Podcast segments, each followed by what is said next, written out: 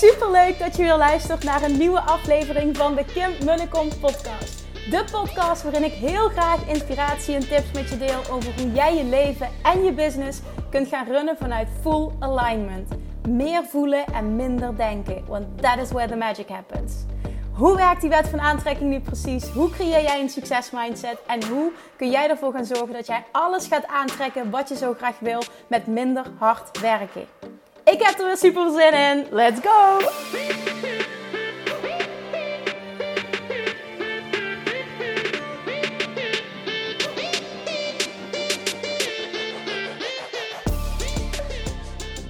Heel eventjes voor de opname start um, wil ik even delen dat de geluidskwaliteit van deze aflevering echt ontzettend slecht is. Mijn excuses daarvoor. Ik luister net een stukje terug omdat er een heel harde wind stond. En ik hoor dus ook echt dat, er, uh, ja, dat de geluidskwaliteit heel slecht is door de wind. Dus excuses hiervoor. Um, het is echter een podcast geworden die ik niet, omdat het zo'n kwetsbaar onderwerp is en dit zo uh, vanuit echtheid met emotie gedeeld is, ik kan dit niet opnieuw opnemen. Dus nou ja, ik, uh, ik, wil het gewoon even aangeven. Excuses ervoor. Het is wat het is. En um, ja, voel zelf, wil ik even goed luisteren of niet? Oké, there we go.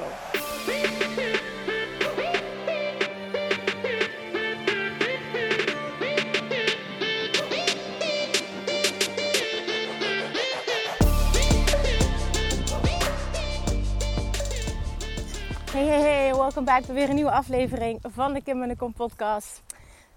En vandaag een iets minder fijne boodschap. Want ik heb uh, een paar uurtjes geleden te horen gekregen dat mijn oma is overleden. Het is ineens heel snel gegaan. En ik uh, ga zo, ah, zo goed mogelijk. Um, er is iets moois namelijk wat ik wil delen. Zo goed mogelijk proberen om uit mijn woorden te komen met um, eh, wel met emotie, maar uh, ja, het waait hard. Dus excuses voor uh, slechte geluidskwaliteit. Het is um, ja, ik weet, ik weet nog niet, ik heb, ik weet nog niet exact hoe ik hem wil insteken. Dus ik ga gewoon het verhaal delen en vooral de boodschap erachter. Gisteravond, um, het is nu dinsdagmiddag trouwens, gisteravond um, om een uur of half tien had ik nog even contact met mijn moeder en we hebben nog even gebeld om te, kijken hoe het ging. Gisteren ging het heel slecht met oma. En uh, zoals ik in die andere podcast ook gedeeld heb vorige week, extreem, extreem, extreem, extreem in de weerstand. En ze ging zo, zo, zo snel achteruit. Ze kon niet meer praten, maar ze, kon, ze was heel boos en angstig en verdrietig. En, en eigenlijk het, het, alle negatieve emoties bij elkaar. En mijn moeder en mijn opa waren gisteren de hele middag bij haar geweest. En ze kon haar rust niet vinden. En ja, ze zei... Mijn moeder zei... Dit is echt lijden en dit gun je niemand. En het verdriet wat je dan ziet van. Ik probeerde me dan te verplaatsen in hoeverre dat je dat ook maar kan. In mijn oma, ik probeerde me te verplaatsen in hoe mijn opa zich moet voelen, mijn moeder zich moet voelen. En ik, ik kan me zo, ja, in hoeverre nogmaals dat je dat überhaupt mag zeggen, dat je je dat kunt voorstellen. Ik kan me zo voorstellen hoe, hoe vreselijk machteloos mijn oma zich heeft gevoeld en onbegrepen. En, en, en ze zei alleen maar, of in ieder geval ze zei ze de hele tijd heeft geroepen en wat ze uitdrukt ook is: waarom helpen jullie me niet? Waarom laten jullie me hier? Waarom moet ik hier? Het, het, ze snapte gewoon niet dat ze te ziek was om terug naar huis te gaan. En de bedoeling was dat dit een tussenfase was, de revalidatiekliniek, om vervolgens naar een verzorgingshuis te gaan. Gisteravond hebben we nog gesproken over eventueel of een hospice een optie is. En niet wetende dus dat het ineens zo snel zou gaan dat ze s'nachts, uh, uh, maandagnacht om half drie is overleden. Dat het zo snel zou gaan. En, namelijk? Uh, ik, ik, kon niet bevatten hoe het ineens zo snel is gegaan. Gisteren zijn ze na heel lang, um, ja, kan ik het zo zeggen, ook weer helemaal niet negatief bedoeld bij iets of iemand. Maar ik probeer gewoon de situatie te schetsen hoe die uh, van, van, van een bepaalde kant. dat is helemaal niet negatief of met de vinger wijzen, dat is absoluut niet de intentie. Niemand heeft iets fout gedaan verder. Maar, um, gisteren was het dus heel onrustig en mijn opa wilde niet totdat zij sliep. Maar ze, ze zat zo in, in de weerstand, in de angst, in de paniek, in, in alles, in het verdriet, in de boosheid. Dus zij viel niet in slaap. En dat was heel um, ja, vermoeiend eigenlijk voor alle partijen. En uiteindelijk uh, heeft ze moeder dan zo lang gezeurd als het ware dat ze doktoren zijn gekomen en dat ze hebben gekozen om te starten met morfine. En dat uh, de eerste keer, dat, dat, dat deed dus blijkbaar helemaal niks. Daar hebben ze de dosis verhoogd. En vervolgens dan om het steeds meer op te hogen. Um, zodat ze uiteindelijk in, ja, in, in, slaap zou vallen en rustig zou, zou worden, rustig zou blijven. En de dosis morfine steeds meer ophogen. En um, uiteindelijk is ze gisteren in slaap gevallen. En toen wilde mijn opa eindelijk naar huis toe. Dus mijn moeder heeft hem toen naar huis gebracht.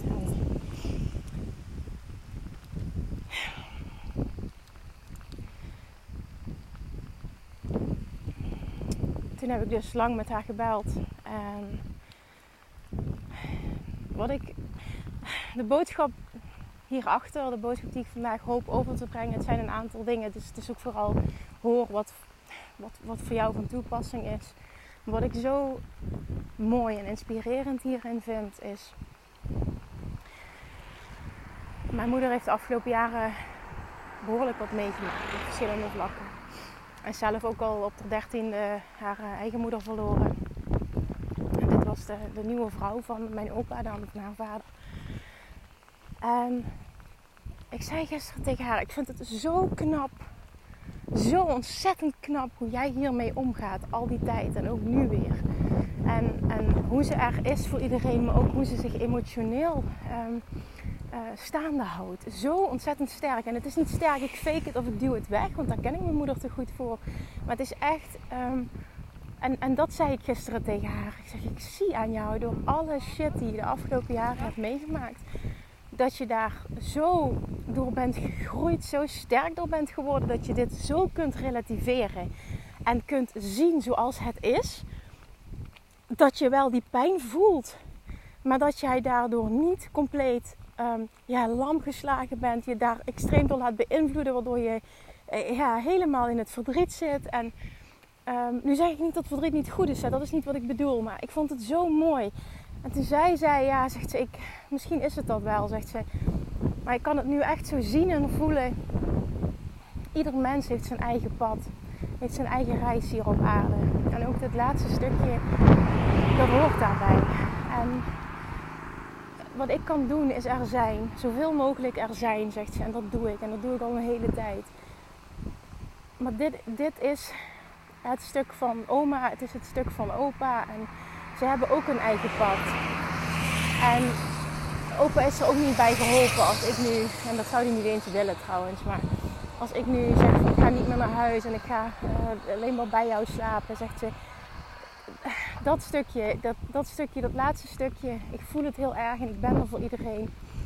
Um, en ik kan het ergens uh, ook op zo'n plek neerzetten dat ik het, het zo, ja, zo enorm kan handelen. En dat betekent niet dat zij geen traan laat, absoluut wel. Want ze uh, heeft echt, oh, wat zij ook allemaal heeft moeten zien de afgelopen weken. En je hoorde mijn podcast, ik was helemaal van slag na één middag.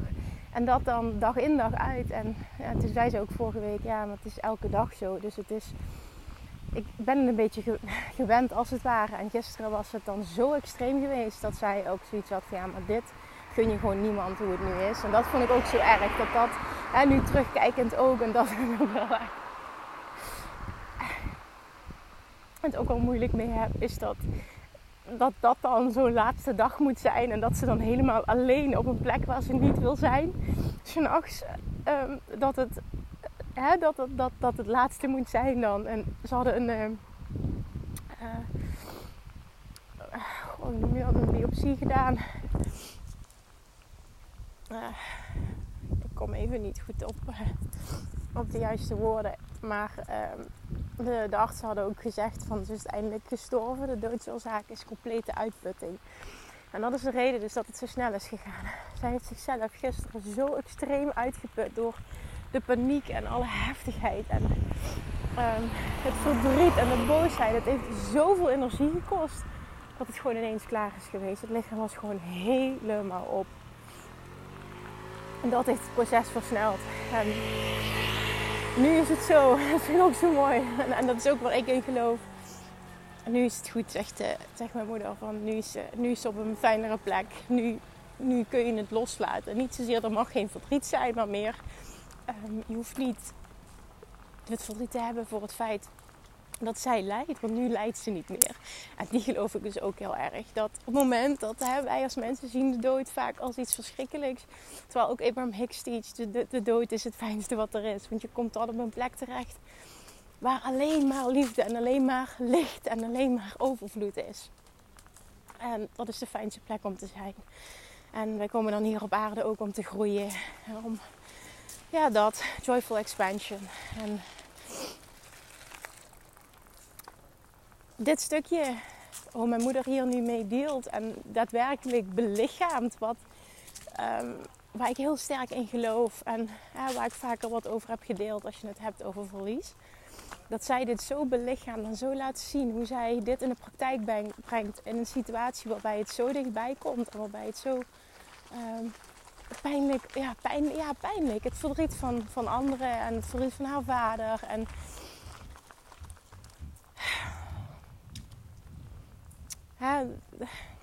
gewoon ook uitputting van het geregel en alles wat erbij komt kijken. Ik vind dit echt heel erg knap. En ik wilde dit delen als, als aan de ene kant natuurlijk als shout-out uh, to her, maar ook heel erg um, als les voor mij hierin. Dat het echt kan. Dat het en-en is. Dat het echt kan zijn dat je er volledig bent voor iemand, voor anderen, meeleeft, doet wat je kan. En daarnaast um, je niet laat overmannen en niet kapot gaat van het verdriet. En dat is ook zo mooi, want dat is ook iets waar ik heel erg in geloof. Die ander heeft er niks aan. Je helpt een ander niet door zelf helemaal kapot te gaan van verdriet. En dat vond ik zo mooi wat ik in Bali heb geleerd toen ik daar sprak met um, hè, de inheemse bevolking. In Bali is het zo, of op Bali, dat het hoort niet dat men huilt op een begrafenis. Want dat wordt gezien als egoïstisch. Want die persoon die er niet meer is, is op een fijnere plek. En die vond ik toen zo mooi en zo inspirerend. Die is zo binnengekomen op dat moment, dus vijf jaar geleden nu. En dit is hier zo'n voorbeeld van. En mijn moeder demonstreert dit als het ware. En ze zei wel vanochtend, wat we net ook nog even gebeld. Um, toen we naar uh, oma toe gingen zegt ze ineens, viel het me? En toen brak ik ook helemaal. Ik zeg, ja, maar dat mag toch ook zijn?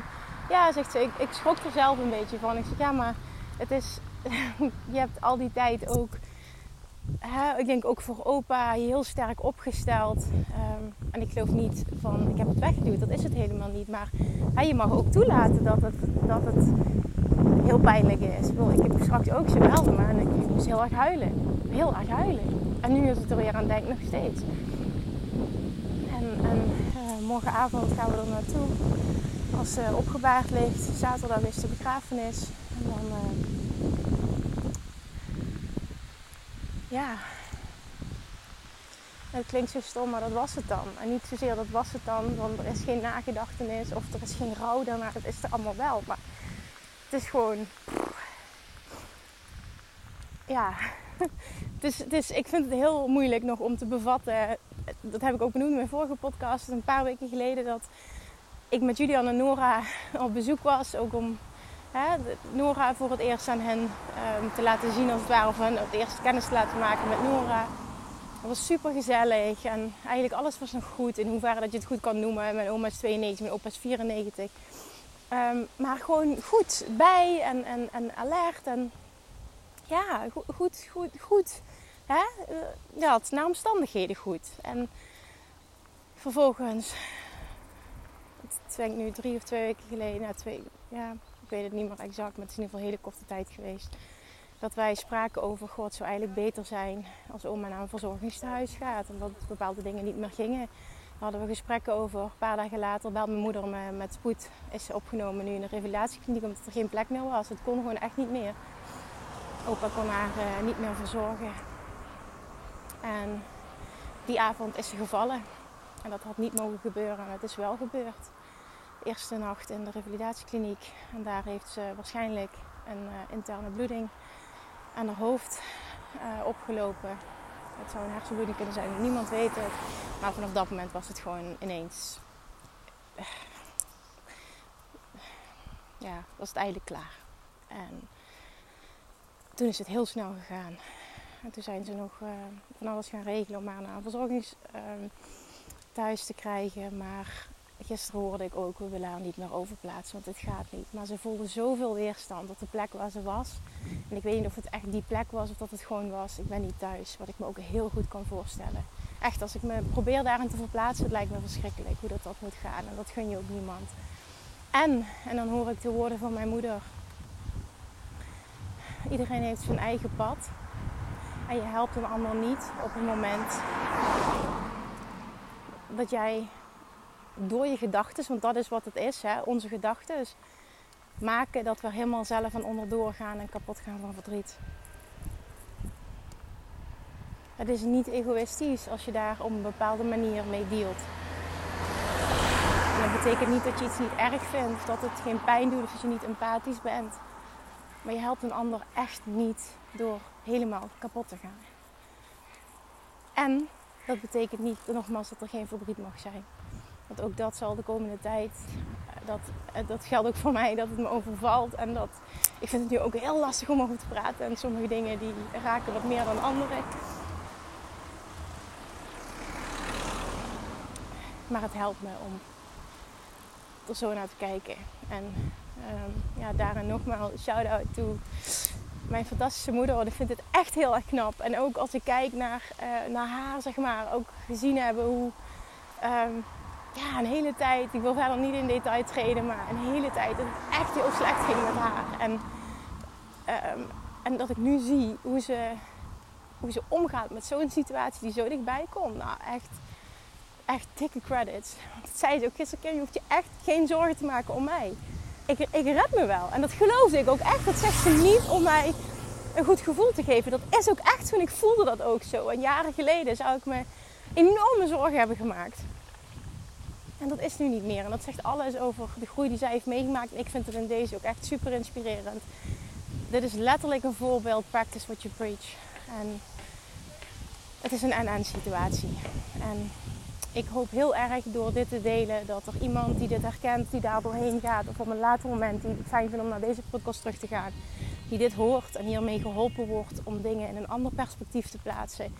Want ook schuldgevoel in zo'n situatie heeft geen zin dat sprak ik gisteren ook nog uit. Ik kan me zo voorstellen in zo'n situatie. Want toen zei ik tegen haar, ik kan me nu niet voorstellen. Ik wil me dat niet voorstellen als het om jou zou gaan nu. Ja? Dat, dat, dat ik op dit moment... Ehm, dat mijn moeder in, in bijvoorbeeld in die situatie in de revalidatiekliniek zou liggen. Ik zei dus, van, ik, zou kan me voorstellen dat ik dan echt dag en nacht gewoon aan je bed zou zitten.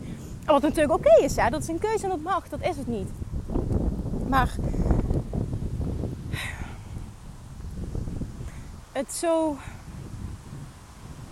kunnen plaatsen. En ook het, het stukje schuldgevoel, dat benoemde ik. Uh, het sprak ik gisteren uit. Dat, dat was puur een stuk van mezelf. Zeg ik van ja, ik kan me zo voorstellen ook hoe je dan als kind of als familielid of, of uh, broer of zus of, of, whatever, dat je dan voelt.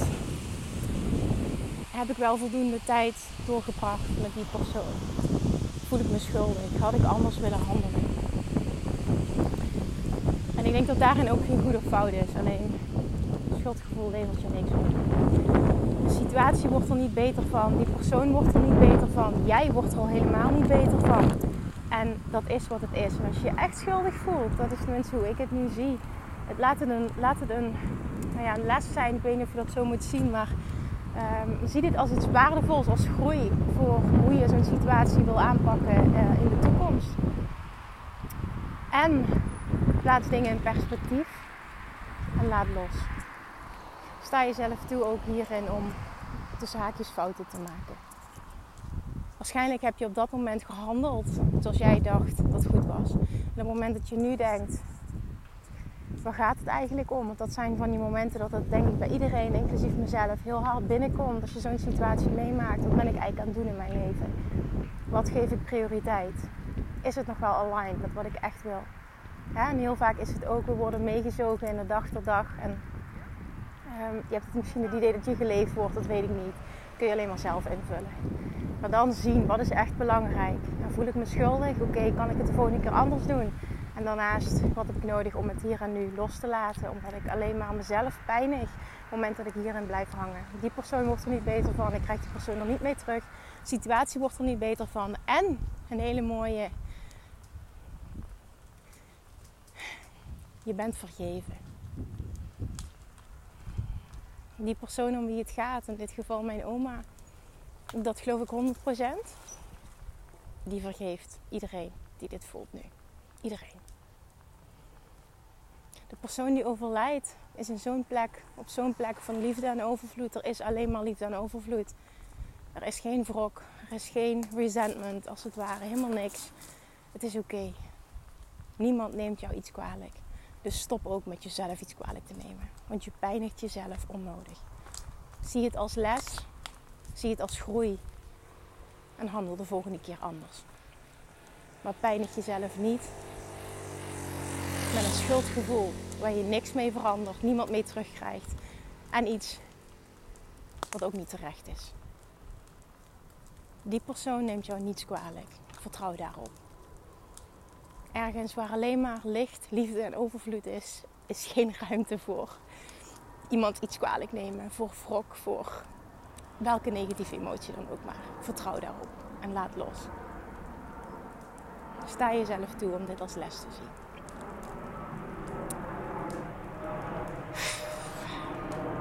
Ik denk dat dat is wat ik wilde delen vandaag.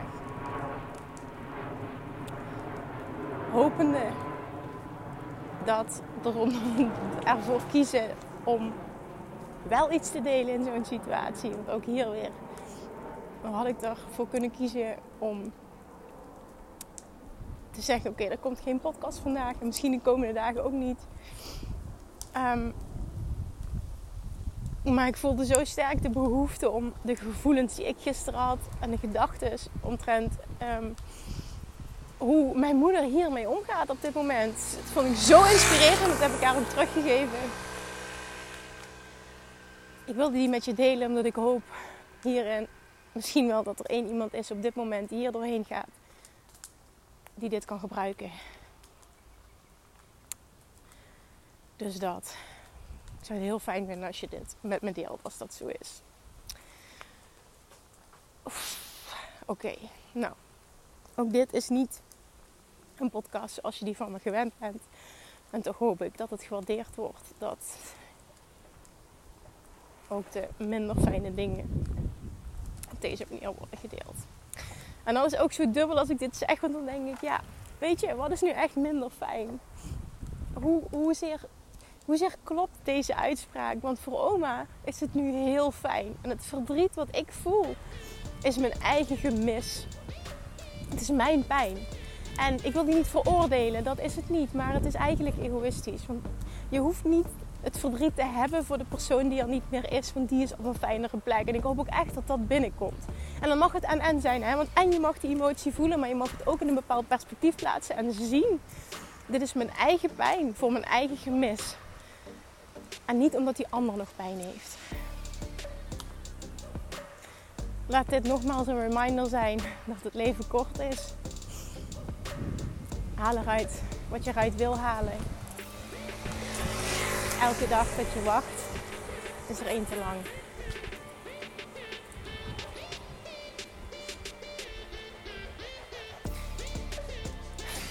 Dankjewel voor het luisteren en tot morgen. Denk ik. Geen garantie, maar we'll see. Thank you. Bye bye.